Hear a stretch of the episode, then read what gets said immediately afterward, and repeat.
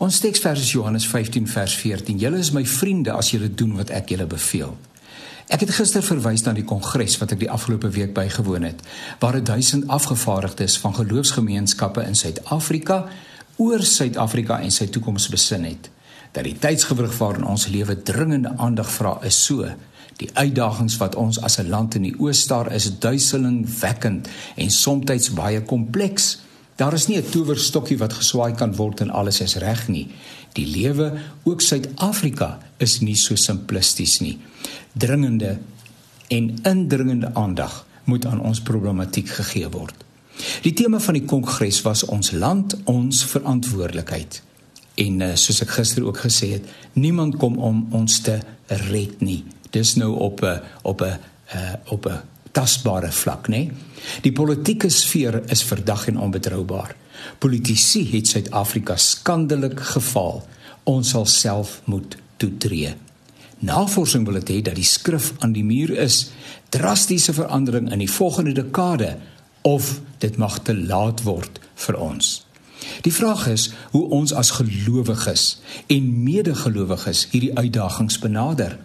Sommige van ons mag redeneer dat dit niks met ons te doen het nie. Ons leef in ons eie veilige kokon en beveilig onsself op alle terreine teen enigiets wat ons veiligheid kan bedreig. Die vraag is of dit is wat Jesus bedoel het toe hy gesê het jy is die sout van die aarde. Toe hy ons geroep het om as lig die duisternis te verdryf. Toe hy ons geleer het om te bid laat u koninkryk kom en u wil geskied soos in die hemel so ook op die aarde. Die vraag is hoe ons oordeel oor die laaste opdrag, gaan dan heen en maak disippels van alle nasies. Hoe ons oordeel oor ek was honger, in gevaar, naak en in die gevangenis en julle het of julle het nie. Johannes 15 dring ons om ons argumente waarom ons nie betrokke wil raak nie te heroorweeg.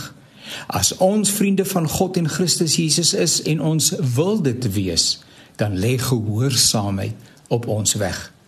Duideliker as dit kan 'n mens dit nie stel nie. As jy my liefhet, sal jy my opdragte uitvoer. Het ander se swaar kry, armoede, honger, gesukkel, trane iets met ons te doen? Die antwoord is voor die hand liggend.